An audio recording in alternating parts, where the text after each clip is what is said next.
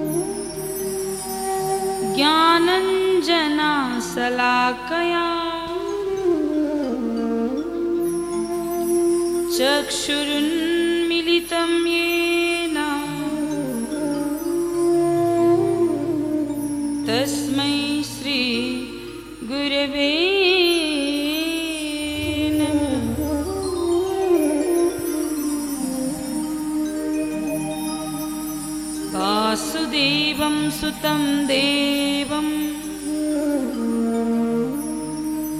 कंसचाणुरमर्दनम्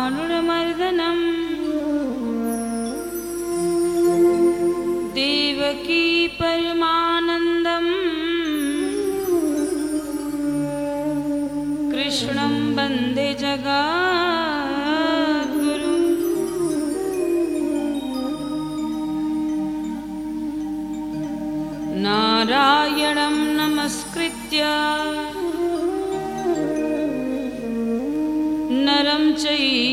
नरोत्तमम्। देवीं सरस्वतीं व्यासं ततो जयमुदीरये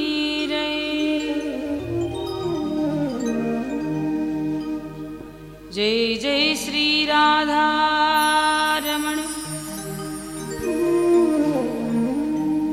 जय जय नवलकिशोर जय गोपी चित्तचोर प्रभु। जय जय माखन जय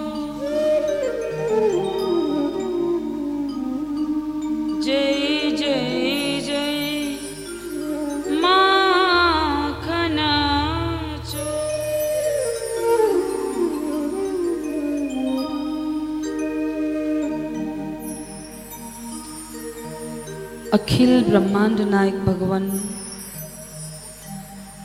संपूर्ण चराचर जगत का जगत पिता। आराध्य देवी राधा रानी को साथ साथमा भगवान श्री कृष्ण युगल सरकारलाई कोटि कोटि दण्डवत नमन। परम पूज्य सद्गुरुदेव महाराजीको चरणबिन्दमा कोटि कोटि नमन वन्दन अर्पित गर्दै आमन्त्रण गरिएका सम्पूर्ण देवी देवताको चरणबिन्दमा प्रणाम। सम्पूर्ण वरण भएर बस्नुभएका गुरुबन्धु कलाकार बन्धु सबैका चरणबिन्दमा प्रणाम। यस कथालाई देश तथा विदेशमा बसेर प्रत्यक्ष प्रसारण हेरेर बस्नुहुने सम्पूर्ण भगवान्का भक्तहरू र यस कथाको आयोजना गर्नुहुने कर्ता परिवार आयोजक परिवार दाहाल परिवार र यस कथाको आनन्द उठाउन यस कथामा स्नान गर्न आउनुभएका सम्पूर्ण कथाप्रेमी भागवत भक्तजन हजुरहरू सबैका हृदयमा विराजित भगवान्लाई कोटि कोटि दण्डवत नमन गर्दै व्यास मञ्चको तर्फबाट म राधिका दासी अर्पण गर्न चाहन्छु। प्रेमसहितको न्यानो अभिवादन। राधे राधे। राधे राधे। भगवानको असीम अनुकंपा आज वत्स गोत्रीय संपूर्ण सम्पूर्ण कुलपितृहरूको उद्धार हेतु आयोजना गरिएको यस भागवती गङ्गामा स्वर्गीय बुवा खड्गबहादुर दाहाल तथा माया, चन्द्रमाया दाहाल, साथै तुलसी दाहाल, छेत्री परिवार सबैको स्मृतिमा सम्झनामा सबै एक्काइस कुलका पितृहरूको उद्धार गर्दै वैकुण्ठवासको कामना गर्दै आज व्यक्तिगत रूपमा यस पुराणलाई आयोजना गर्नुभएको छ। साथसाथमा ग्रामवासी स्थानीयवासी छिमेकी इष्टमित्र आफन्त सबैलाई बोलाएर दिव्य कार्यक्रमको साथमा आज यज्ञोपवित संस्कार पनि यसै कुलका नातिको आज यज्ञोपवित संस्कार छ। आज हजुरहरू सबै भिक्षादान प्रदान गर्न पनि पाल्नु भएको छ। भगवान्को कथाको सारांश आज सातौँ दिनको कथा श्रवण गरौँ भनेर पनि पाल्नु भएको छ। यो दिव्य अवसर हामी सबैलाई जुराइदिनु हुने आयोजक परिवारप्रति एकपटक जोरदार तालीले हामी सम्मान गरौँ। यो सुन्दर कर्म उहाँहरूलाई गर्ने प्रेरणा भगवान्ले दिनुभयो। भगवान्ले मनमा इच्छा उत्पत्ति गराइदिनु भयो कि भागवत कथा साथमा यति सुन्दर कार्य गर्ने जुन मनसाय बन्यो त्यो साधारण मनुष्य होइन भगवान्को इच्छाले मात्रै त्यो कार्य पूर्ण हुन्छ र पूर्ण भयो पनि आज त हामी सातौँ दिनमा छौँ। सप्तम दिवसीय कथामा आज सातौँ दिनको कथाको आनन्द उठाउँदैछौँ। भगवान्को कथा परम मङ्गलमय कथा साक्षात् भगवान् श्रीकृष्णचन्द्रको બાંગમય પ્રતિમૂર્તિ સ્વરૂપ ભાગવતી ગંગા આજ બગદૈછીન સાતો દિનમાં આવનું સ્કેછણ હરિનામ કીર્તન ગુણગાન કરો મન અને વાણીલાય પવિત્ર કરાવું તત્પશ્ચાત દિવ્ય કથા કો આનંદ ઉઠાવું श्री कृष्ण चंद्र भगवान को जय हो श्री सीताराम भगवान को जय हो श्रीमद भागवत महापुराण को जय हो सभी ले गाँव वाला होला भगवानको नाम। सीता राम राम राम सीता राम राम राम राम। राम राम सीता राम राम राम। सीता राम राम राम सीता राम राम सीता राम राम राम सीता राम राम राम। सीता राम राम राम सीता राम राम राम। सीता राम राम राम सीता राम राम राम। मीठे मीठे ताली का साथ में। जय सिया राम।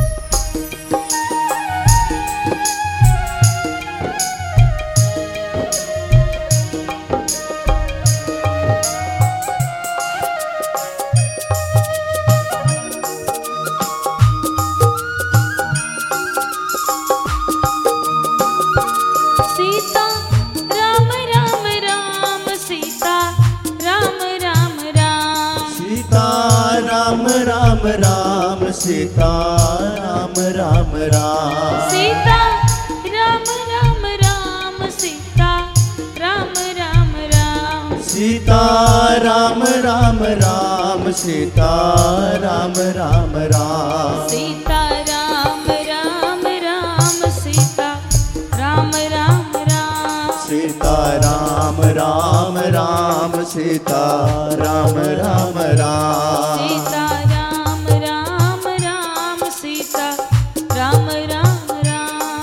सीता राम राम राम सीता राम राम राम। राम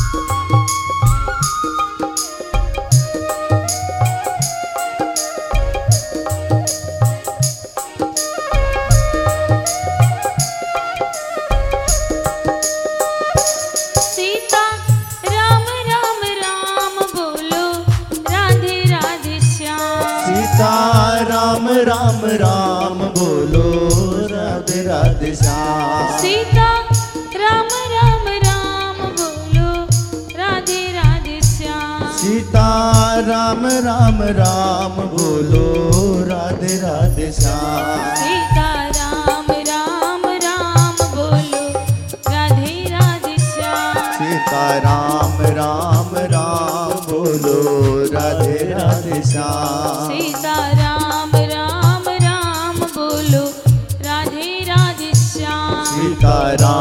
राम राम बोलो राधे राधे श्याम। सीताराम भगवान को। जय हो। मंद मंद ताली को साथ माँ अपना अपना इष्ट देव याद कर दे गुणगान कर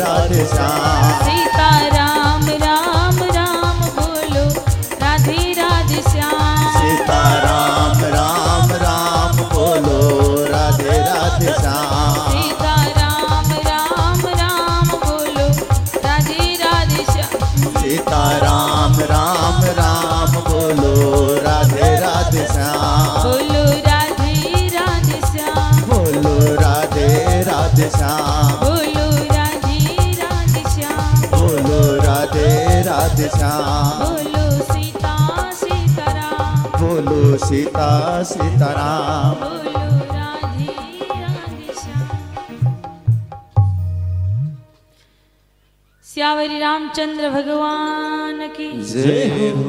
श्रीमद् भागवत महापुराण की। जय हो। आज को आनंद की। जय हो। भक्त भगवान की। जय हो। अनुष आजको कथामा प्रवेश गरौँ विलम्ब नगर्दै भगवानको कथा। सात दिनमा सकिने कथा त पक्कै पनि होइन तर पनि विधि विधान अनुसार हामी सप्तम दिवसीय प्रतिज्ञा लिएर सङ्कल्प लिएर हामीले कथालाई सुरुवात गरेका थियौँ। त्यसलाई विधिवत रूपमा विसर्जन गर्ने कार्य रहन्छ।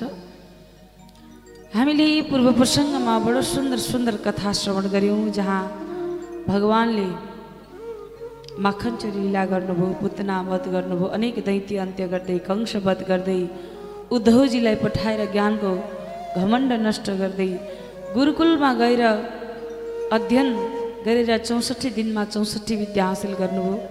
सान्दीपनी गुरुको आश्रममा गएर।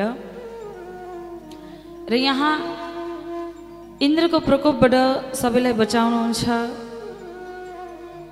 अनेक अनेक कार्य गर्दै जाँदा ला अन्तमा यहाँ भगवान्को विवाहको प्रसङ्गसम्मको कथालाई हामीले हिजोको सत्रमा श्रवण गऱ्यौँ भगवान्ले भारी सभाको बिचमा रुक्मिणी मातालाई हरण गरेर ल्याउनुहुन्छ। विदर्भ देशकी राजकुमारी रुक्मिणी मैया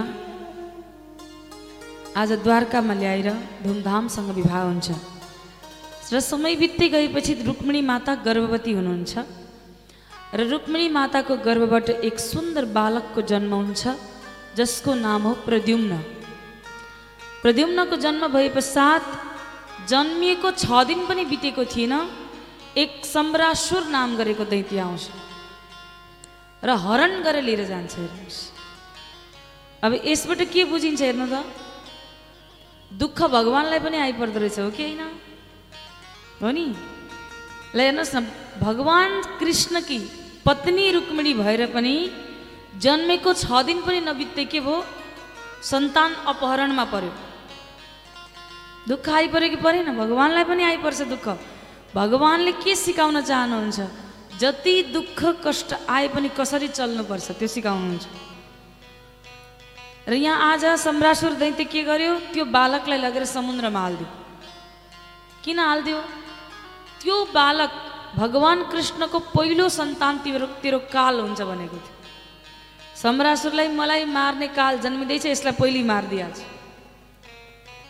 जन्मिने बित्तिकै हरण गरेर लग्यो लगेर समुद्रमा खसालिदियो। अब समुद्रमा खसालिदियो आज उनै प्रद्युम्न महाराज जसलाई समुद्रमा एउटा माछाले निल्न पुग्छ। त्यो माछालाई एउटा माझीले भेट्टाउँछ।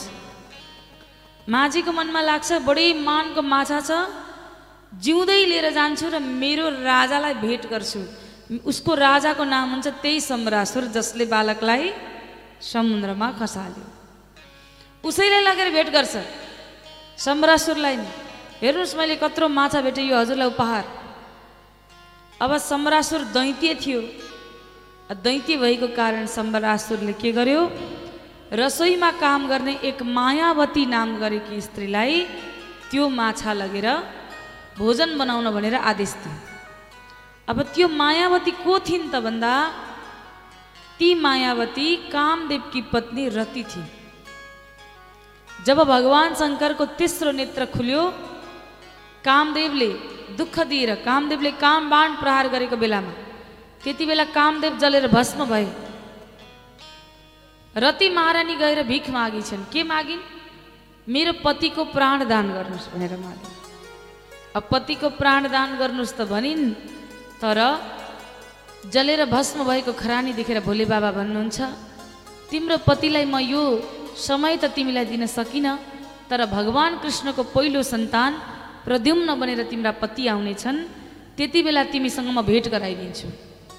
तिमी सम्रासुर नाम गरेको दैत्यको घरमा गएर मायावती नाम गरेकी स्त्री बनेर बस्नु र भोजन बनाउनु रसोई घरमा भान्सा घरमा भनेर पठाउनु।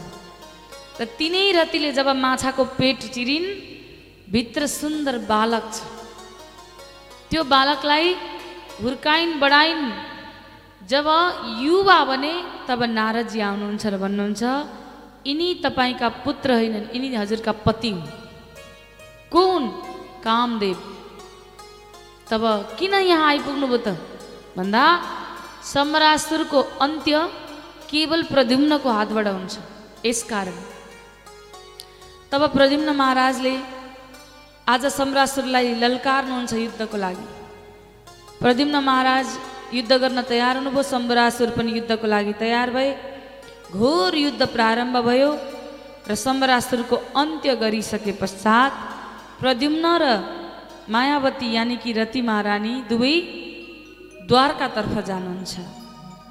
जब द्वारकामा प्र रुक्मिणी माताले देख्नुभयो कसलाई? प्रद्युम्नलाई ओहो यस्तो दिव्य यस्तो सुन्दर बालक मेरो सन्तान आज त्यो दिन हरण नभएको भए आज मेरो सन्तान यत्रै हुन्थ्यो होला यस्तै देखिन्थ्यो होला। मेरो पुत्र जस्तै रहेछ भनेर गएर सुमसुम्याउनु लाग्नुभयो। नारदजी आएर भन्नुहुन्छ हजुरको पुत्र जस्तो होइन यो। हजुरकै पुत्र हो यो। तब धुमधाम द्वारकापुरीमा विवाह उत्सव हुन्छ प्रद्युम्न महाराज र ती महारानी आज पुत्रवधुको साथमा बडो धुमधामसँग विवाह उत्सव मनाउनुहुन्छ भने अघि प्रसङ्गमा भगवान्लाई पनि मणि चोरको आरोप लागेको कारण अर्को विवाह गर्नुपर्छ। भगवान्लाई पनि चोर दोष लाग्यो भगवान्को पनि छोरो हरायो। भगवान्ले कति दुःख पाउनु पर्यो आफै विचार गर्नुहोस् त। जन्मिएका बाबा आमासँग बस्न नपाएर अर्कै ठाउँमा पुग्नु पर्यो हो कि होइन? कहाँ जन्मिनु भयो मथुरामा? कहाँ पुग्नु पर्यो हुर्किनलाई गोकुल नन्दगाउँ वृन्दावन भगवान्ले पनि दुःख पाउनु पर्यो भगवान् के देखाउन चाहनुहुन्छ भने मनुष्यको जीवनमा दुःख त आउँछ नै अवश्य आउँछ सुखै सुख कसैलाई हुँदैन त्यही भएर दुःख आयो भनेर नआत्तिनु कुनै पनि कार्य कुनै पनि कारण बिना हुँदैन अरे बिना कारण हुँदैन त्यसमा कुनै न कुनै कारण जोडिएको छ। यस कारण दुःख आपत आइपर्दा पनि विचलित नहुनु। धैर्यता राख्नु परिणाम सुन्दर नै हुन्छ। धैर्य गर्न सक्नुपर्छ अरे। हेर्नुहोस् जीवनमा अनेक दुःख आइपर्छ अनेक कष्ट आइपर्छ। हाम्रा दुःख हामीभन्दा सुख पाएकालाई हेर्छौँ हामी बाहिर बसेर। हजुर के गर्नुहुन्छ भने बाहिर बस्नुहुन्छ र अर्काको परिवार हेर्नुहुन्छ नि होइन? फलाना परिवार कस्तो राम्रो छ उसको परिवार कस्तो राम्रो छ त्यसको कस्तो राम्रो छ? उसको घरभित्रको कथा बुझ्नुहुन्न। यसकारण राम्रो लाग्छ। तर आफू उसमा पनि केही न केही पीडा छ जति हजुरमा छ। पीडा त सबैलाई हुन्छ अरे संसारमा हेर्नुहोस्। यो संसारमा सुखै सुख कसैलाई पनि छैन। उसभित्र पनि पीडा छ आफूभित्र पनि पीडा छ। यसकारण हामी अरूलाई हेरेर चाहिँ आफू दुखित नबनौँ। अर्काको कारणले गर्दा आफू दुखित नबनौँ। आफू मेहनत गरौँ कर्म गरौँ परिश्रम गरौँ त्यसको नतिजा एक न एक दिन भगवान्ले राम्रै दिनुहुन्छ। दिनु नै हुन्छ तर निरन्तरता दिनुहोस्। र आज यहाँ भगवान्लाई पनि के लाग्यो? मणि चोरको आरोप लाग्यो। एक राजा थिए। उनै द्वारकामा आज सुखदेवजीले भन्नुहुन्छ एक सत्राजित नाम गरेका राजा जो भगवान सूर्यको परम भक्त थिए। सूर्यको यति उपासना गरेछन् यति पूजा गरेछन् यति भक्त भएछन् कि भगवान् सूर्यनारायण प्रगट हुनुभएछ र भन्नुभएछ एउटा मणि दिँदैछु तिमीलाई म र यो मणिको काम हो रात्रिको रातको समयमा यदि तिमीले मणि धारण गरेर कहीँ गयौ भने पनि त्यो मणिले सूर्यको किरण जस्तो उज्यालो फाल्छ। एक अर्को यो मणिले प्रतिदिन एक केजी छ सय ग्राम सुन दिन्छ। एक तोला भनेको होइन नि एक केजी छ सय ग्राम। त्यति चाहिँ सुन दिन्छ। यो तिमीलाई उपहार भनेर दिनुभयो सूर्य भगवान् अब यता सत्राजित राजा त्यो मणि गलामा धारण गरेर भगवान् कृष्ण भएको ठाउँमा गएछ। भगवान् भारी सभाको बिचमा बस्नु भएको थियो।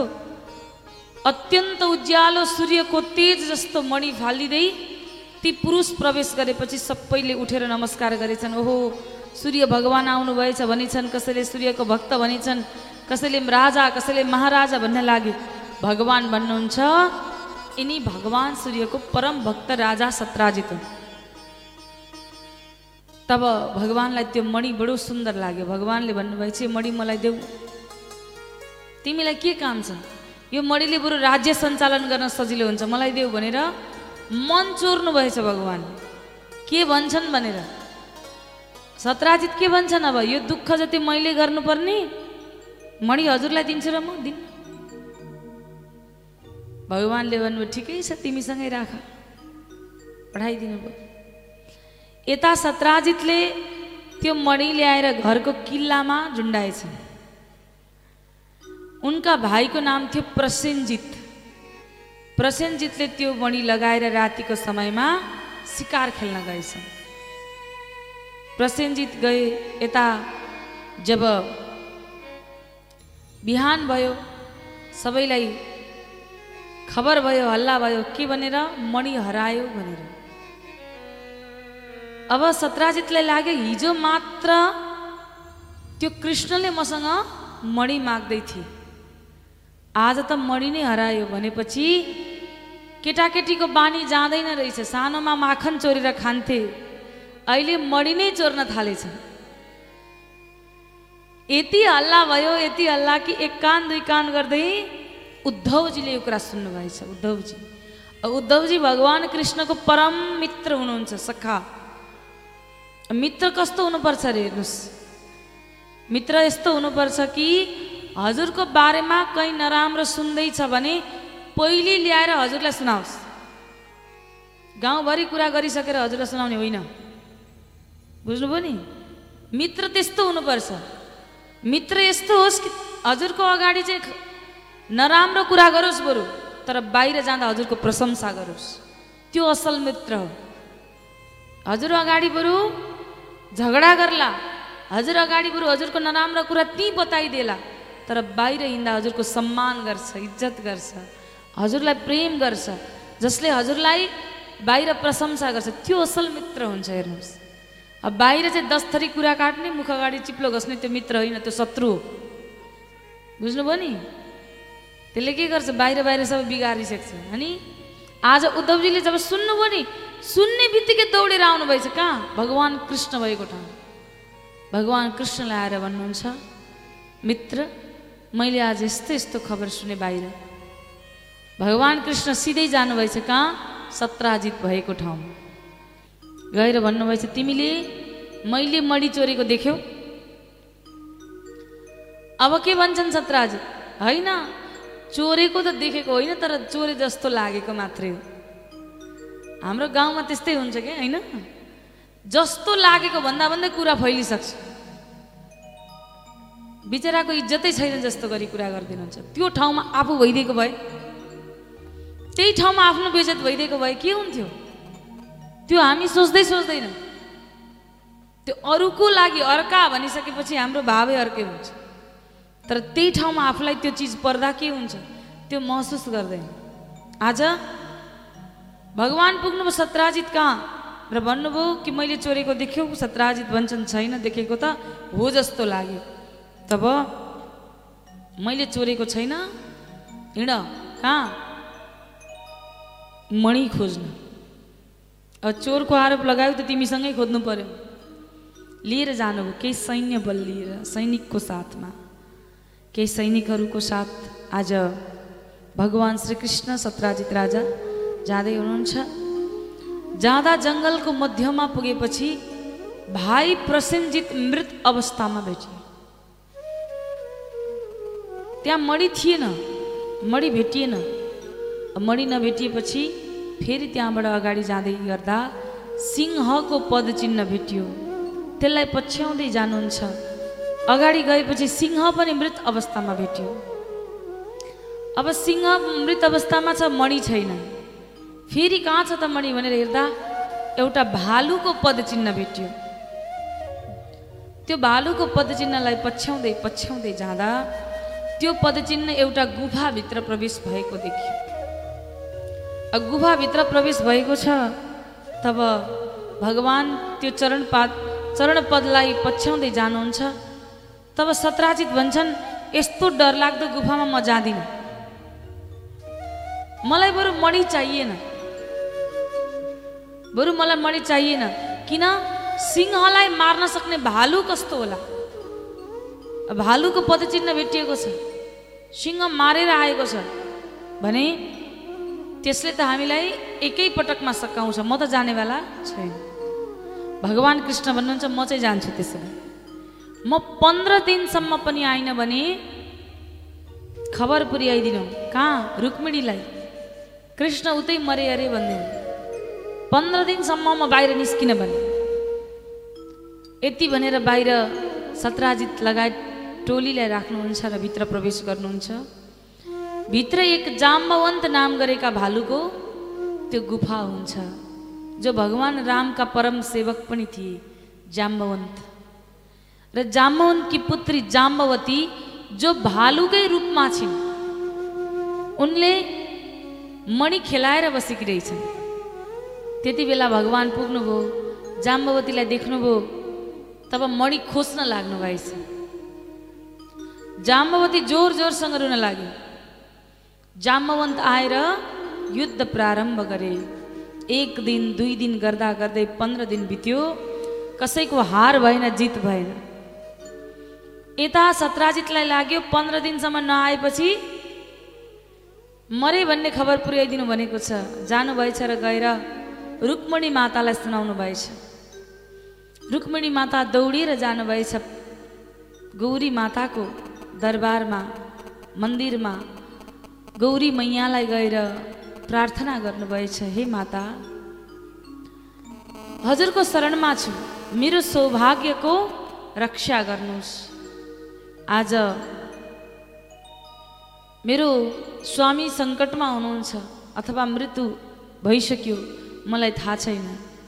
मलाई कुनै न कुनै हजुरले सूचना दिनुहोस् लक्षण देखाइदिनुहोस् कि मेरो पतिको अवस्था कस्तो छ भन्दा परम्बा भगवती माता मूर्ति फोडेर बाहिर प्रकट हुनुहुन्छ। बोल्नुहोस् जगदम्बा भगवती मैया कि।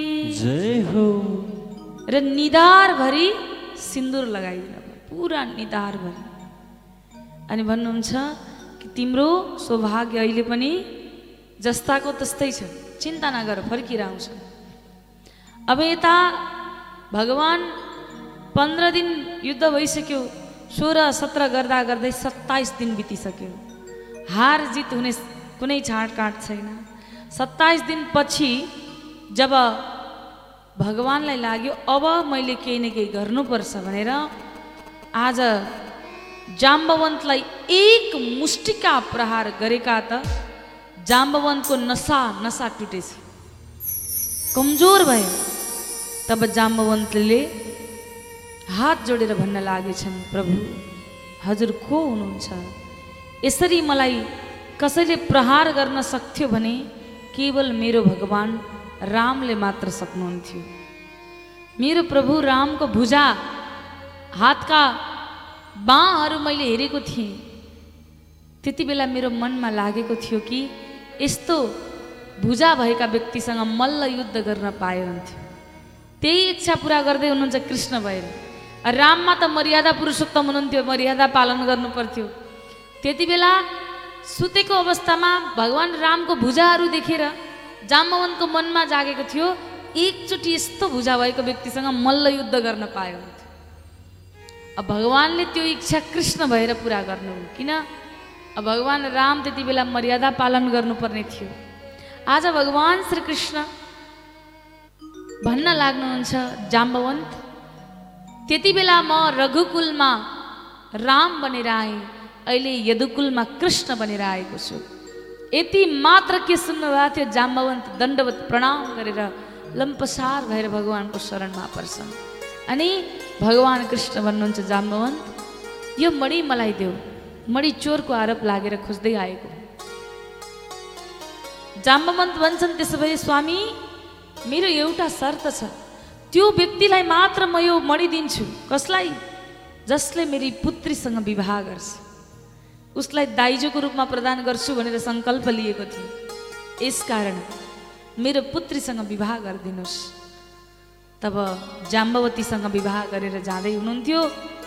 उता खबर पुर्याएछन् रुक्मिणीलाई कृष्णले अर्को विवाह गरेर आए रे। रुक्मिणी माताको मनमा लाग्यो पक्कै पनि म भन्दा पनि सुन्दरी स्त्री आएकी छिन् होला। त्यही भएर भगवान्ले विवाह गर्नु म त्यसलाई श्राप दिन्छु आज. के श्राप? त्यो पक्कै म भन्दा सुन्दरी होली त्यसलाई श्राप छ.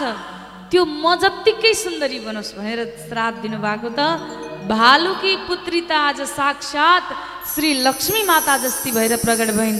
बोल्नुहोस् लक्ष्मी मैया कि रुक्मिणी मैया कि श्री कृष्णचन्द्र भगवान कि।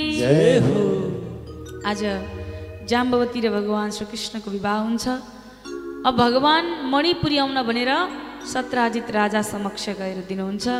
सत्राजित राजालाई ग्लानी भयो। मैले कत्रो ठुलो आरोप लगाएँ। मबाट गल्ती भयो। अब मैले माफी माग्नुपर्छ। अब माफी कसरी माग्ने? आफ्नी पुत्री सत्यभामाको विवाह गराएर। आफ्नी पुत्री सत्यभामासँग विवाह गराउँछु र माफी माग्छु भनेर सत्यभामासँग विवाह गराउनुहुन्छ। त्यो मणि पनि सत्यभामालाई हातमा दिएर पठाइदिनुहुन्छ र यता उनै सत्यभामासँग धुमधामसँग विवाह हुन्छ। भगवान्को विवाह नि एउटा विवाह पनि इच्छाले भएको छैन हेर्नुहोस्। जहाँ पुग्नुहुन्छ त्यहाँ बाध्यता परिस्थिति आइपर्छ। जहाँ पुग्नुहुन्छ त्यहाँ बाध्यता परिस्थिति आइपुग्छ। यसरी विवाह भएको छ। भगवान्को सबै यसरी तिन विवाह भए भने बाँकी यमुनाजी मित्रवृन्दा भद्रा नग्नजी र लक्ष्मणा गरेर आठ पट रानी हुन्छन् भगवान्का। र भगवान्ले सोह्र हजार एक सय विवाह चाहिँ एकै पटक गर्नुपर्छ।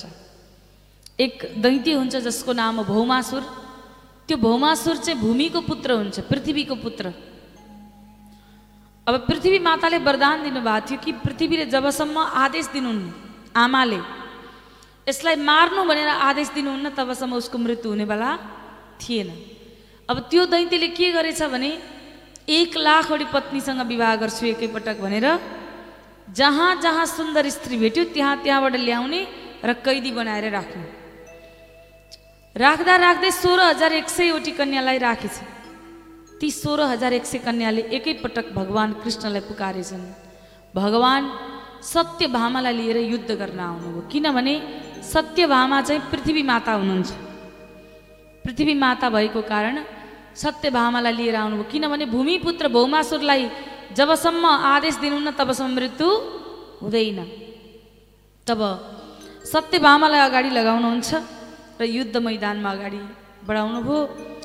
दुई चारवटा तीर जब सत्यभामालाई प्रहार भए सत्यभामा भन्न लाग्नुभयो स्वामी यसको अन्त्य गरिदिनुहोस् भनेर भन्न लाग्नुहुन्छ। तब भगवान्ले गएर भौमासुरको अन्त्य गर्नुहुन्छ। र सोह्र हजार एक सय कन्यालाई मुक्त गरेर भन्नुहुन्छ जाऊ अब गएर आफ्नो आफ्नो घर फर्क। तब ती सोह्र हजार एक सय कन्या भन्छन् स्वामी सीता जस्ती पतिव्रता स्त्रीलाई यो समाजले छोडेन। यो समाजले लालछना लगाउन अहिल्या जस्ती पवित्र नारीलाई छोडेन तर अब हामीलाई त कैदी बनाएर राखेको छ। यत्रो वर्षदेखि अब हामी फर्केर घर जाउँ त हामी कहीँको पनि रहँदैन। हामीलाई यो समाजले बाँच्न पनि दिँदैन राम्ररी। कहाँ जाने? तब त्यति बेला भगवान् श्रीकृष्ण भन्नुहुन्छ तिमीहरू द्वारका जाऊ तिमीहरू सबैलाई म एकै मण्डपमा विवाह गर्छु भन्नु। भगवान्ले चाहनुभएको भए दासी बनाउन सक्नुहुन्थ्यो महलमा काम गर्ने नोकरानी बनाउन सक्नुहुन्थ्यो तर भगवान्ले त्यो गर्नु भएन। भगवान्ले के गर्नुभयो? सम्मान इज्जत दिएर पत्नीको दर्जा दिनुभयो र सोह्र हजार एक सय विवाह एकैपटक भगवान्ले गर्नुहुन्छ। जम्मा सोह्र हजार एक सय आठ पटरानी हुनुहुन्छ। त्यतिवटै महल बनाउनुहुन्छ त्यतिवटै रूप बनाउनुहुन्छ र प्रत्येक रानीसँग भगवान् बस्नुहुन्छ। प्रत्येक रानीसँग। र यहाँ प्रत्येक रानीबाट दस दस पुत्र र एक एक पुत्री हुन्छ प्रत्येक रानीबाट। र यहाँ दस दस पुत्र एक एक पुत्री भए र एक दिन नारदजीको मनमा लागेछ भगवान्को गृहस्थ हेर्न जानु पर्यो। यत्र रानीलाई कसरी राख्नु भएको छ भगवान्ले? एकचोटि त हेर्न जाउँ भनेर भगवान्को द्वारकापुरीमा नारदजी जानुभएको त एउटा महलमा भगवान् स्नान गर्दै हुनुहुन्छ अर्को महलमा भगवान् भोजन गर्दै हुनुहुन्छ अर्को महलमा भगवान् सुत्नु भएको छ अर्को महलमा भगवान् भोजन गर्दा गर्दै नारदजी पुगेर ए नारद आऊ बसक भोजन गरौँ भन्नुहुन्छ। अर्को महलमा नारद तिमी आयौ भन्नुहुन्छ। अर्को महलमा भारी सभाको बिचमा आउनुहुन्छ अर्को महलमा रानीसँग हाँस परिहास गर्दै हुनुहुन्छ। अनेक महलमा भगवान्लाई देखेपछि नारदजी चकित हुनुभयो। धन्य हो भगवान् हजुरको लीला। श्रीकृष्णचन्द्र भगवानको जय हो। त्यसकारण भगवान्को यो अपार लीला देखेर नि कतिजनाले के भन्नुहुन्छ? अब हाम्रो भगवान्ले नै यत्रो विवाह गर्नु भएको छ हामीले पनि त दुईवटा बिहे गर्दा हुन्छ होला नि भन्नुहुन्छ के? होइन? बुवाहरू प्राय। धेरै धेरै भन्नुहुन्छ। तर म के भन्छु भने यदि दुईवटा रूप बनाउन सक्नुहुन्छ भने गर्नु होला। है? दुईवटा रूप बनाउन सक्नुहुन्छ तुलना चाहिँ भगवान्सँग गर्ने। भगवान्सँग तुलना गर्ने आफूलाई। भगवान्ले त सोह्र हजार एक सय आठ रूप बनाएर गर्नुभयो नि। त्यति नै एउटा महल बनाएर राख्नुभयो। त्यति नै एउटा घरमा सन्तान थिए। त्यतिवटै रानीको साथमा हुनुहुन्थ्यो। कोही रानीलाई पनि अभाव भएन कि मसँग पति हुनुहुन्न। तर हजुरले दुइटी ल्याउने बित्तिकै घरमा कलह सुरु हुन्छ। एउटी रानी घरकी रानी अर्की रिसाउँछिन्। अर्कोसँग जानुहुन्छ अर्की रिसाउँछिन्। त दुःख दिन किन लिएर आउनु? एउटीलाई नै खुसी बनाएर राख्नु। घर सुन्दर मन्दिर हुन्छ। यहाँ भगवान्सँग तुलना गर्नुहुन्छ। कतिजना देख्छु अब शिवरात्रि आउँदैछ। शिवरात्रिमा के भन्नुहुन्छ? भगवान् भोले बाबाको प्रसाद हो भन्दै के खानुहुन्छ? भाङ खाने धत धतुरो खाने गाँजा खाने होइन? भगवान् भोले बाबाको प्रसाद भन्नुहुन्छ। तर शिव महापुराणमा कहीँ पनि भनेको छैन कि भगवान्ले गाँजा खानुभयो भगवान्ले भाङ खानुभयो भगवान्ले चाहिँ यसरी हिँड्नुभयो कहीँ पनि भनिएको छैन। बरु भनिएको छ भगवान्ले विष पिउनुभयो। प्रसादै खाने भए विष पिएर हेर्नु। होइन? भगवान्ले खाएको त साँच्चीकै त विष हो। विष चाहिँ पान गर्नु भएको हो भोले बाबाले। त्यो त भनिएकै छ। भोले बाबाले विष पान गर्नुभयो भनेको छ। र यहाँ भोले बाबाको प्रसादको रूपमा हजुरहरूले त्यसलाई विकृति नबनाउनु होला। यहाँ भगवान् श्रीकृष्णलाई पनि त्यसरी तुलना गरेर भगवान्सँग तुलना गर्ने हाम्रो औकातै छैन। जसले हामीलाई प्राण त हाम्रो एक सेकेन्डमा खिच्न सक्ने व्यक्तिसँग हामी आफूलाई तुलना गर्ने। भगवान्ले सात दिन सात रात कान्छी औँलाले गिरिधर उठाउनु भएको थियो। हजुर एउटा पुस्तक दिनभरि उठाएर देखाइदिनु। त्यो सक्ने हिम्मत छैन हामीमा। भने हामी तुलना गर्छौँ भगवान्सँग। भगवान् त प्राप्ति गर्ने चिज हो। भगवान् तत्त्व त आफूले भित्रबाट अनुभव गर्ने कुरा हो। भगवान्सँग आफूलाई तुलना गर्ने। हामी त भगवान्को दासको दासको दासको दास बन्न पनि योग्य छैनौँ हामी। हामीमा केही पनि औकात छैन त्यति। अनि हामी भगवान्सँग तुलना गर्छौँ।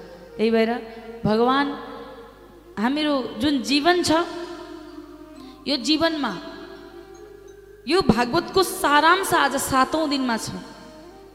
सुरु दिनदेखि आजसम्मको कथाले पनि हाम्रो जीवनमा साँच्चै भन्नुपर्दा कुनै पनि काम कसरी गर्ने भनेर सिकाएको हो कि?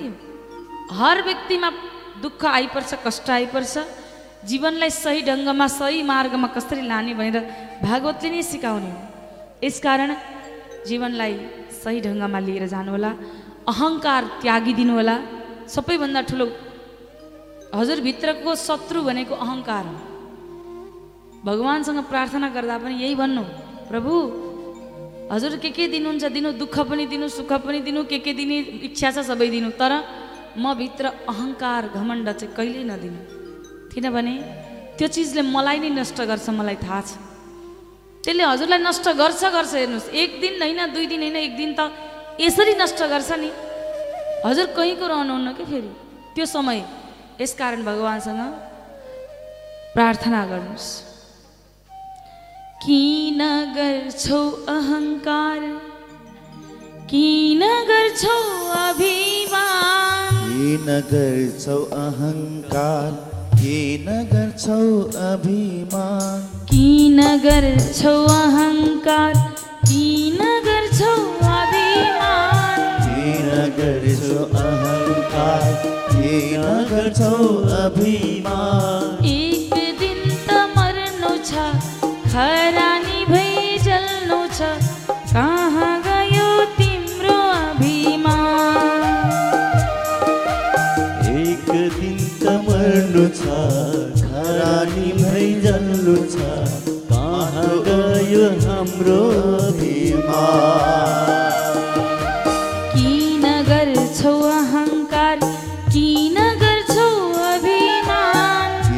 गर्छौ अहङ्कार किन गर्छौ अभिमान। एक दिन त मर्नु छ खरानी भई जानु छ आगो ओड्ने आगै बिछाउने।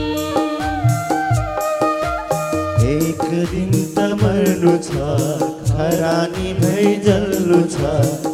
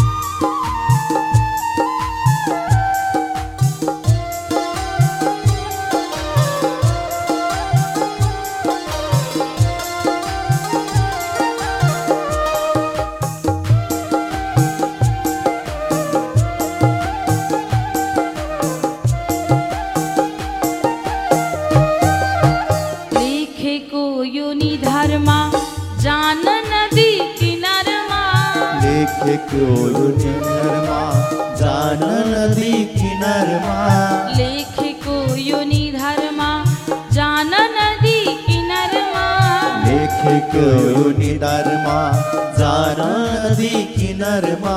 पाप पुण्य भोग्नु छ यो अनौठो विराट संसारमा। पाप पुण्य भोग्नु छ यो अनौठो विराट संसारमा।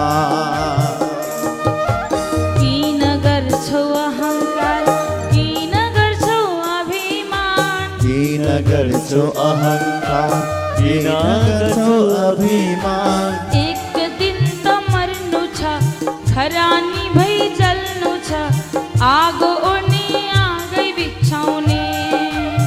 एक दिन त मर्नु छ खरानी भई जल्नु छ आगो ओर्ने आगै बिछाउने।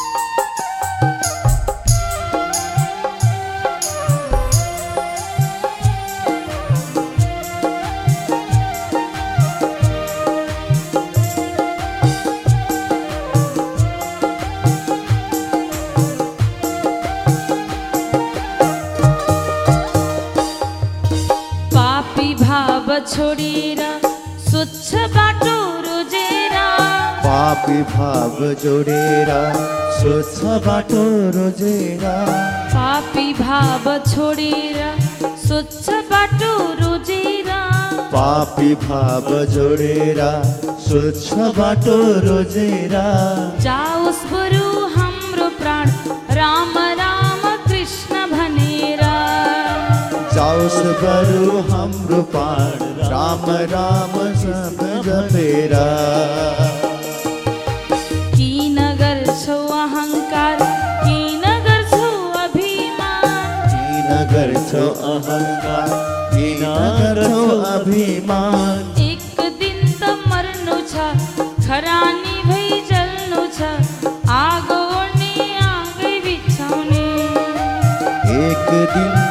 मर्नु छ खरानी भइ जल्नु छ आगो ओड्ने आगै बिछाउने एक दिन त मर्नु छ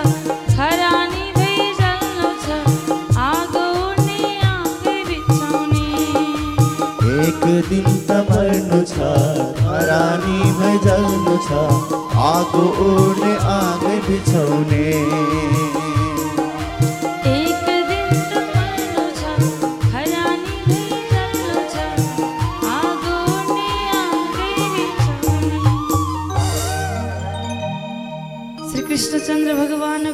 जय जय हो। श्री दीननाथ भगवानको जय हो। यस कारण जीवन छोटो छ कति बेला सकिने थाहा छैन। यस कारण हजुरहरू सबैले भगवान् नाम नछोड्नुहोला कथाको सारांश पनि यही हो। अघि अनिरुद्ध र रोचनाको विवाह प्रसङ्ग हुन्छ भने फेरि अनिरुद्धको विवाह उषासँग हुन्छ। उषा बाणासुरकी पुत्री हुन्छन्। बाणासुर बलि महाराजको ज्येष्ठ सुपुत्र। बाणासुरले भगवान् शङ्करलाई प्रसन्न बनाएर वरदान माग्छन्। प्रभु मलाई दुईवटा हात कम भयो। धेरै काम गर्नुपर्छ म त दैत्य हुँ। युद्ध गर्नुपर्छ। मलाई दुईवटा हात कम भयो एक हजारवटा हात दिनु भनेछ। भगवान् पनि उस्तै भोला हुनुहुन्छ कि फेरि? माग्ने पनि उस्तै दिने पनि उस्तै हुनुहुन्छ फेरि।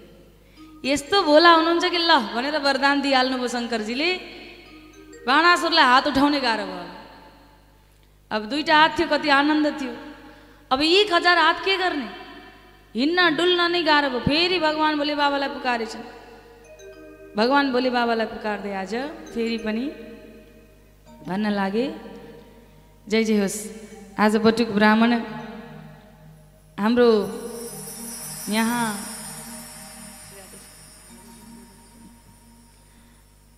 आज जय होस् मङ्गल होस् शुभ होस् कल्याण होस्। आज यज्ञोपवित संस्कार पनि भइरहेको छ। हाम्रो कथाको पण्डालमा बडो धुमधामसँग अब केही क्षणमा भिक्षा दिने समय हुनै लागेको छ। कथा पनि लगभग लगभग हामी विश्रामतिर जाँदैछौँ अगाडि बढ्दैछौँ। थोरै समय पश्चात हामी भिक्षा दिन पनि तयारी छौँ। आउनुहोस् अगाडि कथामा बढिहालौँ। त आज बाणासुरले एक हजार हात मागे भगवान् शङ्करसँग पुकार गरे र भन्छन् कि प्रभु यो हात धेरै भयो फेरि पनि घटाइदिनु पर्यो अघि मागेर बढाइदिए अब घटाइदिनु पर्यो भने फेरि भोले बाबालाई भोले बाबा भन्नुहुन्छ चिन्ता नगर भगवान् कृष्ण आउनुहुन्छ र तिम्रा हजार हातमध्ये नौ सय छयानब्बेवटा हात चाहिँ तिमीबाट हटाइदिनुहुन्छ ढुक्क हो चारवटा हात राखिदिनुहुन्छ तिम्रो तब बाणासुरकी पुत्री उषा जो भगवान् शङ्करको परम भक्त थिइन् माता पार्वतीको परम भक्त शक्तिको देवीको। माता पार्वतीसँग भगवान् शङ्कर जस्तै पति प्राप्त गरौँ भने पश्चात उनी अनिरुद्धसँग राति सपनामा विवाह भएको सपना देख्छिन्। उषाले आफ्नो सखी चित्रलेखालाई भन्छन् कि मैले सपनामा जसलाई देखेँ उसलाई नै पतिको रूपमा प्राप्त गर्न चाहन्छु। तब पतिको रूपमा प्राप्त गर्न चाहन्छु भनेपछि चित्रलेखा मायावी थिइन्। उनले चित्र बनाउन लागिन्। पहिले रघुकुलको सम्पूर्ण वंशको चित्र बनाइन्। ती सबै कोही होइनन् भनेपछि यदुकुलको वंशको बनाउँदै जाँदा अनिरुद्धको चित्र देख्ने बित्तिकै उषा भन्छन् यही हो राति सपनामा मैले देखेको व्यक्ति। त यी त अहिले द्वारकामा छन्। म राति लिएर आउँछु भनेर राति सुतेका अनिरुद्धलाई ओछ्यानै शुद्ध बोकेर ल्याइन्छ चित्रलेखाले।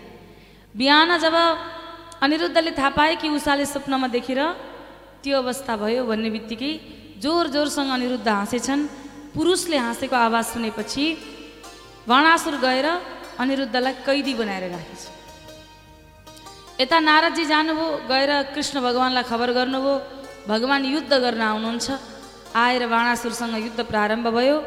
युद्ध गर्दै जाँदा यहाँ बाणासुरका हातहरू एक हजार हातमध्ये नौ सय छयानब्बेवटा हात भगवान् श्रीकृष्णले काटिदिनुहुन्छ। चार हात मात्रै राखिदिनुहुन्छ। अनि भन्नुहुन्छ कि आजबाट तिमी मेरो पार्षद भयो। तिमीलाई म मार्न सक्दिनँ। किन? तिमी मेरो परम भक्त बलिको पुत्र हो। यसकारण तिमी अबद्ध छौ मबाट। यसकारण आज कृपा वर्षाउनुहुन्छ र अनिरुद्धको र उषाको विवाह गराउनुहुन्छ। अगाडि बलरामजी ब्रजधाम जानुहुन्छ गएर अनेक दैतीहरूलाई उद्धार गर्नुहुन्छ। अब जरासन्धको उद्धार गर्ने समय आउँछ जो कंसका ससुरा छन्।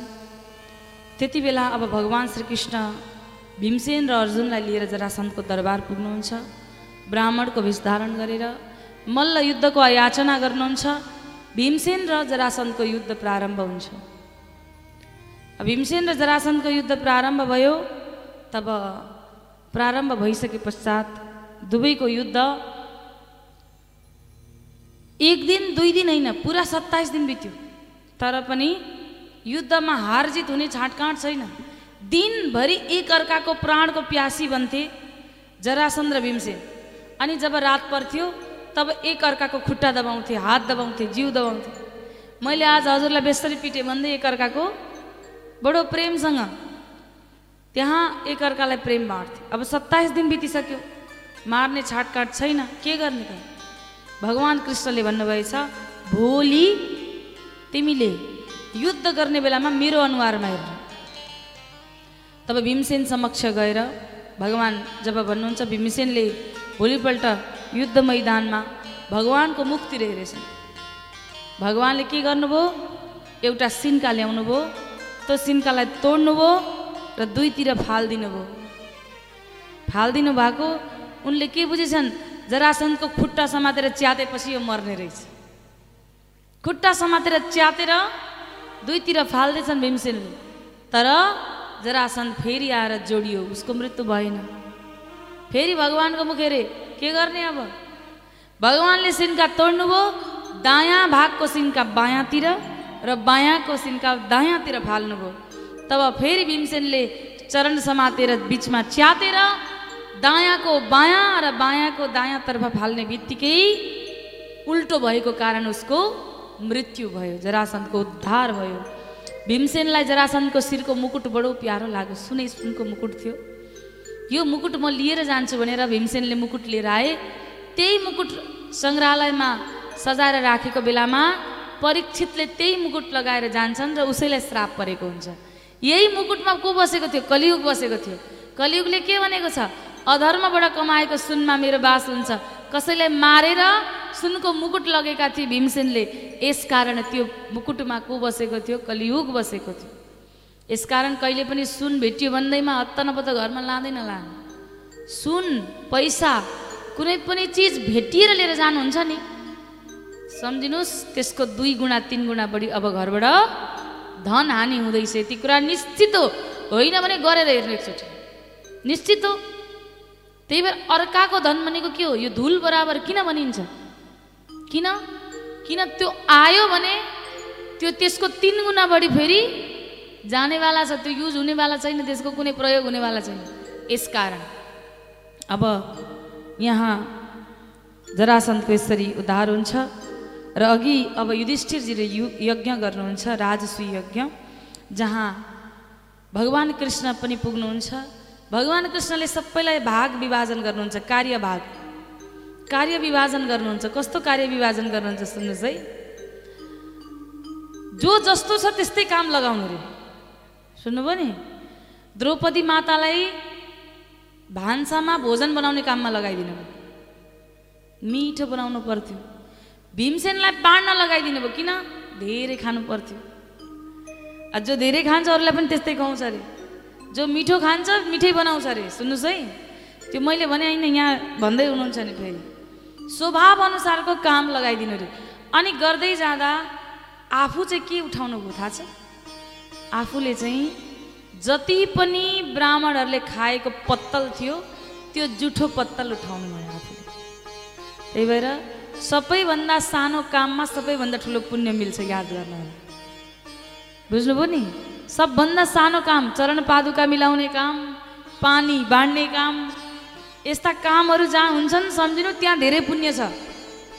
साना काममा बढी पुण्य प्राप्त हुन्छ। यहाँ आज भगवान्ले पत्तल उठाउनु भयो जुठो पत्तल। यो कार्यमा भगवान् हुनुहुन्छ। तब त्यो त्यो यज्ञमा शिशुपाल पनि आएछ। शिशुपालले भगवान् कृष्णलाई देख्ने बित्तिकै गाली गर्न थाल्यो। अरे कृष्ण मेरो हुन लागेको बुढी भगाउने यो। यति गाली गर्यो यति गाली गर्यो कि हेर्दै कालो छ। यसले त यति गाली गर्दै गयो कि एक दुई भनेर गन्दै हुनुहुन्छ भगवान्। गन्दा गन्दै उनान्सय पटक गाली गरेपछि भगवान् भन्नुहुन्छ खबरदार शिशुपाल अब गाली नगर। अब भयो। अब त्यति बेला शिशुपाल भन्छन् मेरो मुख अब बन्द हुनेवाला छैन। यो गइरहन्छ भगवान् भन्नुहुन्छ वचन दिएको छु तिम्री आमालाई। सय पटक गाली गर्यो भने सम म सम्झिन्छु म बुझ्छु। तर एक सय एक भयो भने बाँकी राख्नेवाला छैन। आज भगवान्ले भन्दा भन्दै शिशुपालले गाली गर्दै गए एक सय एकबाट माथि लागेपछि भगवान्ले आफ्नो सुदर्शन चक्र छोडिदिनुहुन्छ। गएर शिर छेदन भएर शिशुपालको अन्त्य हुन्छ। शिशुपालको शरीरबाट निस्केको ज्योतिर्मय दिव्य ज्योति भगवान्को चरणमा आएर लुप्त हुन्छ। बोल्नुहोस् भक्तवत्सल भगवान्को। जय हो। सबैले प्रश्न गरेछन् जीवनभर गाली गर्यो शिशुपालले भगवान्ले चाहिँ आफ्नो चरण दिनुभयो। भगवान् भन्नुहुन्छ गाली त गर्थ्यो भला त्यो कृष्णे चोर फटा भन्थ्यो तर नाम त मेरै लिन्थ्यो। स्मरण त मलाई नै गर्थ्यो यस कारण भला प्रेमले भजोस् बरु गाली गरेर किन नहोस् भजोस् तर मलाई चाहिँ सम्झियोस् भगवान् भन्नुहुन्छ त्यही कारण नि मैले भने नि अस्ति खेतमा एक एकवटा दाना मकै रोप्नुभयो भने पनि त्यसले फल्छ परबाट एकमुठी छर्दै छर्दै जानुभयो भने पनि त्यो फल्छ यसकारण भगवान्को नाम जसरी हुन्छ बज्नुहोस् श्री कृष्णचन्द्र भगवानको जय हो। तन मन वचनले प्रभु नाम गाऊं। तन मन वचनले प्रभु नाम गाऊं। तन मन वचनले प्रभु नाम गाऊं। तन मन वचनले प्रभु नाम गाऊं। रमाऊं तन मन वचनले प्रभु नाम गाऊं। हरे नाम हरे कृष्ण भन्दै रमाऊ तन मन वचनले पसी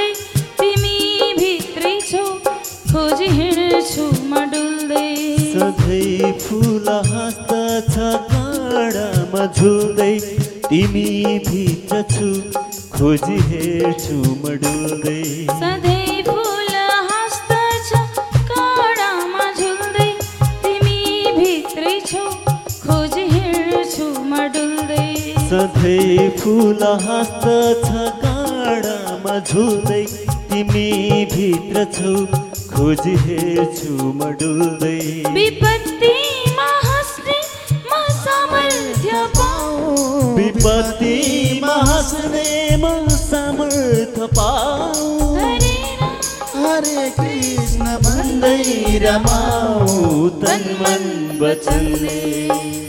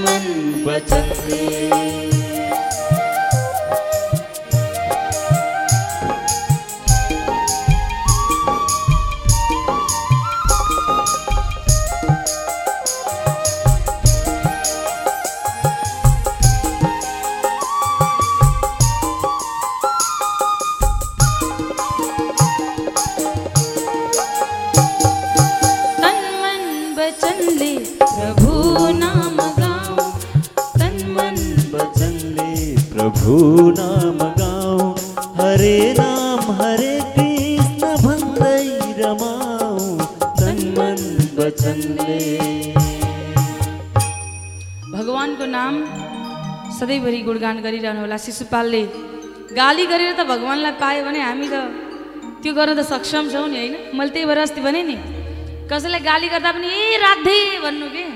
मुखबाट भगवान्को नाम आउँछ नि एकचोटि भए पनि। जसलाई बोलाउँदा पनि राधे भन्दै बोलाउनु। यस कारण भगवान्को नाम सदा सर्वदा गाउनु होला यहाँ जब भगवान्ले सुदर्शन चक्र छोड्नु भयो नि त्यति बेला भगवान्को औँलामा सुदर्शन चक्रले अलिकति घाउ बनाएछ अनि द्रौपदी माताले आफ्नो सारी च्यातेर भगवान्को घाउमा बाँधिदिनु भएछ त्यति बेला भगवान्ले के भन्नुभयो आज तिमीले एउटा साडीको टुक्राले जसरी यो घाउमा बाँधेको बाँधेकी छेउ कुनै दिन तिम्रो निम्ति म सारी बनेर आइदिन्छु भन्नुभयो भगवान्ले हेर्नुहोस् त भगवान् हजुर यति गर्नुहोस् भगवान् कति गर्न चाहनुहुन्छ हेर्नुहोस् त। तर हामी यति पनि गर्दैनौँ। थोरै पनि गर्ने चाहनै राख्दैनौँ हामी। थोरै हजुरले भक्ति भगवान्तर्फ जानुहोस् न अगाडि अनुभूति गर्न लाग्नुहुन्छ। हजुरलाई लाग्छ कि यो श्वास पनि मेरो खेर गइरहेछ। म किन ढिलो फर्केर आएछु भगवान् समक्ष? मलाई ढिलो भयो अब चाहिँ। अब ढिलो भयो। किन? मृत्यु कति बेला थाहा छैन। यतिखेर पो मेरो बुद्धि आएछ भन्नुहुन्छ। कतिको त त्यो पनि आउँदैन। नआइबित्छ जतिको आउँछ उसलाई पनि धन्न भगवान्ले दिनुभयो। कृपा वर्ष्यो पुण्य मिल्यो। र आज यसरी कृपा वर्षाउनुहुन्छ अगाडि। भगवान्को परम भक्त सुदामाको वर्णन छ। जुन सुदामा भगवान्का परम भक्त हुन्छन् परम मित्र पनि हुन्छन् सुदामा जसकी एक पत्नी जसको नाम हो सुशीला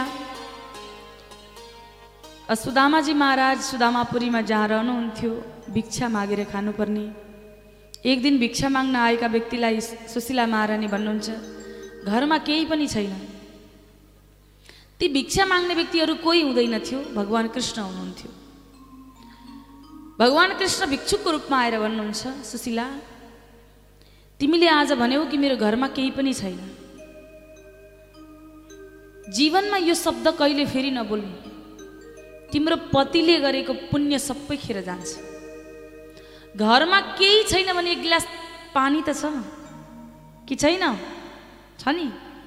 घरमा कहिल्यै पनि याद गर्नु होला कोही पनि भिक्षुक आएको छ घरमा भने त्यसलाई केही न केही दिएरै पठाउनुहोस् याचनाले। मैले अस्ति भने नि हजुर समक्ष तिन प्रकारको भावले मान्छे घरमा आइपुग्छ अरे। एउटा भाव एउटा प्रभाव एउटा अभाव।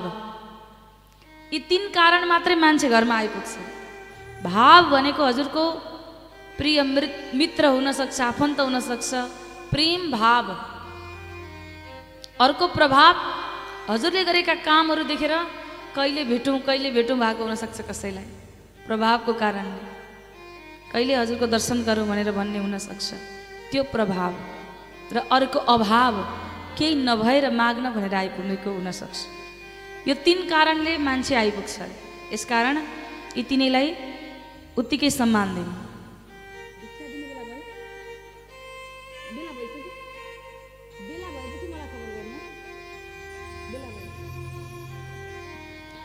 त यहाँ आज सुदामा महाराज कि पत्नीले जब ती भिक्षुकको मुखबाट सुन्छन् सुशीला यस्तो कहिल्यै नभन्नु जसको मित्र यानि कि मित्र द्वारकाधीश छन् उसको मित्रको पत्नीले आज भन्दैछिन् कि मेरो घरमा केही पनि छैन। जब सुशीलाले सुन्नुभयो तब दौडिएर आएर पतिलाई भन्नुभएछ हजुर हजुर द्वारकाधीशको मित्र हो। सुदामा भन्छन् हो। त्यसो भए स्वामी एक काम गर्नु पर्यो। के काम? म त बरु दस ठाउँ फाटेको साडीलाई टालेर लगाउन सक्छु। मलाई चार दिन भोकै बस भने पनि म बस्न सक्छु। तर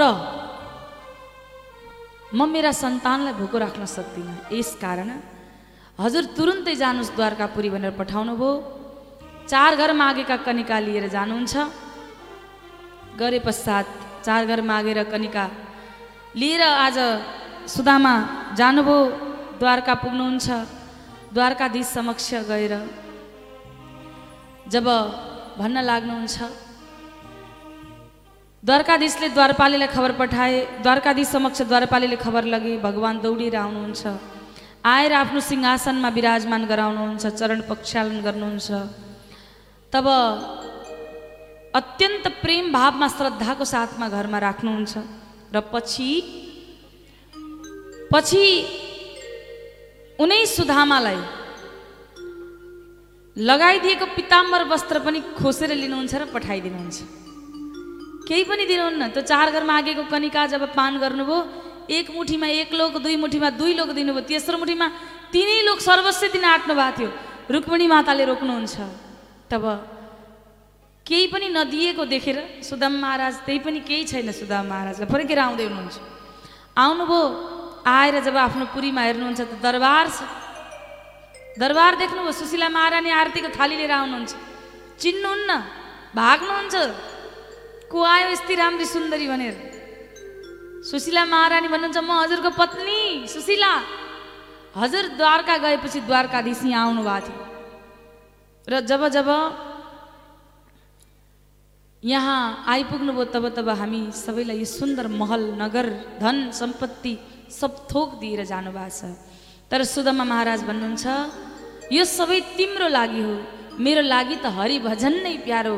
म मेरै कुटीमा बसेर जीवन कटाउँछु भन्नुभयो। महलमा बस्नु भएन सुदामा महाराज। महलमा बस्दै बस्नु भएन। त्यही कुटीमा बस्नुभयो भिक्षा टन्ने गर्नुभयो मालै जाप गर्नुभयो। यसरी नै सुदामा महाराजले जीवन गुजार्नुहुन्छ अघि। प्रसङ्गमा बडो दत्तात्रेयका चरित्रहरूको वर्णन छ। यदुकुललाई श्राप पर्दछ। साम्बको कारणले गर्दा सन्तहरूको श्राप प्राप्त हुन्छ। तब मुसलद्वारा प्रकट भएका एरिका नाम गरेका घाँसद्वारा एकअर्कामा लडेर यदुवंशीहरू मर्दछन् र अन्तिममा त्यही मुसलको टुक्रालाई समुद्रमा फ्याँकिन्छ समुद्रमा माछाले निल्छ। त्यो माछालाई एक माझीले भेट्टाएर त्यो भित्रको मुसलको टुक्रालाई एक यक्ष भिल्ललाई दिन्छन्। ती भिल्लले त्यसलाई बाँड बनाउँछन् र त्यही बाँडलाई भगवान् एक दिन वृक्षको तल बसेर चरणमाथि चरण राखेर सुत्नु भएको बेलामा आज त्यही बेला ती भिल्लले तीर प्रहार गर्छन्। मृग भनेर भगवान्को चरणमा लाग्छ। भगवान् सुधाम गमन हुनुहुन्छ। अगाडि दत्तात्रेयका चौबिस गुरु वर्णन छ। मैले भन्ने गरेको छु जीवनमा एउटा गुरु अवश्य बनाउनु। जीवनमा गुरु छैन भने जीवन सुरु नै छैन। जीवनमा गुरु बिना ज्ञान पनि मिल्नेवाला छैन। जीवनमा हजुरलाई हात समाता समातेर प्रग पकडेर हिँडाउने एउटा गुरु चाहिन्छ। जसलाई मन पर्छ भित्रैदेखि श्रद्धा आउँछ चिनेर जानेर बुझेर सङ्गत गरेर गुरु बनाउनु होला भोलि पश्चाताप नहोस् त्यो हिसाबले बनाउनुहोस् भन्दै अब हामी अन्तमा छौँ। भागवतजीको अन्तमा अब कथा विश्राम हुन पाँच मिनट बाँकी छ। त्यसपछि हामी भिक्षा दिन्छौँ है। हजुर पाँच मिनट धैर्य गरेर बसिदिनु होला पाँच मिनटमा हाम्रो कथालाई विश्राम हुँदैछ। त्यसपछि अनि हामी भिक्षा दिन्छौँ अनि भिक्षा दिएर सुन्नुहोस् सबैजनाले। कथाको सारांशमा छौँ अब एकैछिन। भिक्षा दिए पश्चात फेरि त्यहीँ बसिदिनु होला है हजुरहरू। अनि तिल अर्चन गरेर मात्र अनि प्रसादीतिर लाग्नु होला है। बुझ्नुभयो नि? तिल अर्चन गर्नुपर्छ भागवतजीको पहिला भिक्षा दिने त्यसपछि तिल दान गर्ने अनि त्यसपछि बल्ल। हजुरहरू अनि भोजन प्रसादीतर्फ लाग्नुहुनेछ यसकारण अब म कथाको अन्तमा छु। सबैले आनन्द लिनुहोला। सारांशमा हामी प्रवेश गरेका छौँ। अब सुखदेवजी परीक्षितजी महाराजलाई कथा श्रवण गराएर त्यहाँबाट बिदा हुनुहुन्छ। परीक्षित महाराजलाई महाराजको गति प्राप्त हुन्छ। भगवान्को चरण शरण प्राप्त हुन्छ भने अब कथाको यो विश्राम समयको सारांशमा अब हामी छौँ जहाँ भागवतजीको सारांश थोरै वर्णन छ। बाह्रवटा स्कन्द तिन सय पैँतिस अध्याय र अठार हजार श्लोकमा वर्णित भागवतजीमा प्रथम स्कन्दमा उन्नाइस अध्याय छन् जहाँ सुखदेव नारद चरित्र परीक्षितको प्रसङ्ग हामीले श्रवण गऱ्यौँ दोस्रो स्कन्दमा दस अध्याय जहाँ सुखदेवजीको मङ्गलाचरण भागवतजीको लक्षण। तेस्रो स्कन्दमा तेत्तिस अध्याय सृष्टि वर्णन हिरण्याक्षवध कपिल देवती संवाद चौथो स्कन्दमा एकतिस अध्याय सती पृ- पृथु ध्रुव प्रसङ्ग। त्यस्तै पाँचौँमा छब्बिस अध्याय जहाँ जड भरत चरित्र खगोल भूगोल वर्णन छ। छैठौँमा अजामिल चरित्र नारायण कवच वृत्तासुर वधको कथा छ भने सातौँमा प्रहलाद चरित्र विशेष छ जहाँ पन्ध्र अध्याय छन्। आठौँमा चौबिस अध्याय छन् जहाँ मनवन्तरको कथा गजेन्द्र मोक्षको कथा छ भने नौ स्कन्दमा चौबिस अध्याय छन् जहाँ सूर्यवंश र चन्द्रवंशको कथा छ। दशम स्कन्दमा नब्बे अध्याय छन् जहाँ भगवान्को वृन्दावन र द्वारकाको वर्णन गरिएको छ भने एघारौँ स्कन्दमा एकतिस अध्याय छन्। भगवान्को सुधाम गमनको कथा र बाह्रौँमा तेह्र अध्याय जहाँ कलियुगको रचनाको वर्णन गरिएको छ भने अन्तिममा बताइएको छ जसरी नदीमा पवित्र गङ्गा हुन्छन् त्यस्तै वैष्णवमा परम वैष्णव शङ्करजी हुनुहुन्छ अरे त्यस्तै ग्रन्थहरूमा सबैभन्दा उच्च भागवत मानिएको छ अरे। सबैभन्दा उच्च। यसकारण अब हामी यसलाई विश्राम दिँदैछौँ। र अब यो अन्तमा भिक्षा दिनु पूर्व सबैले एकचोटि हात जोडौँ त। हात जोड्नुहोस् भने मैले। सबैजनाले हात जोड्नु होला र म जे जे भन्छु त्यसलाई दोहोऱ्याउनु होला है त हजुरहरूले। ल कर्ता बुवा आमाले पनि एकचोटि दोहोऱ्याइदिनु होला यो शब्दहरूलाई। अनि हामी भिक्षामा प्रवेश गरिहाल्यौँ। भक्तवत्सल भगवान्को सबैले जहाँ हुनुहुन्छ भान्साघरमा हुनुहुन्छ भने पनि मेरो आवाज सुन्दै हुनुहुन्छ भने त्यहीँ बसेर पनि भन्दा हुन्छ हजुरहरूले म जे भन्छु त्यसलाई दोहोऱ्याइदिनुहोस् है सबैजनाले। भवे भवे। भवे भवे। यथाशक्ति। यथाशक्ति। पादयोस्तव। पादयुस्तव। जायते। जायते। तथा कुरुष्व। देवेश। नाथस्त्वं नो। नो। यतः यतः प्रभो। प्रभु। नाम नाम संकीर्तनं संकीर्तनं यस्य यस्य सर्वपाप सर्वपाप प्रणाशनं प्रणाशनं प्रणामो प्रणामो दुःख दुःख समनस्तं समस्तं नमामि नमामि हरिं हरिं परं। नाम नाम संकीर्तनं यस्य यस्य सर्वपाप सर्वपाप प्रणाशनं प्रणाशनं प्रणामो प्रणामो दुःख दुःख समनस्तं समनस्तं नमामि नमामि। हरिं परम। हरिं परम। श्रीमद् भागवत महापुराण को जय हो। आज को आनंद को जय हो। भक्तर भगवान को जय हो।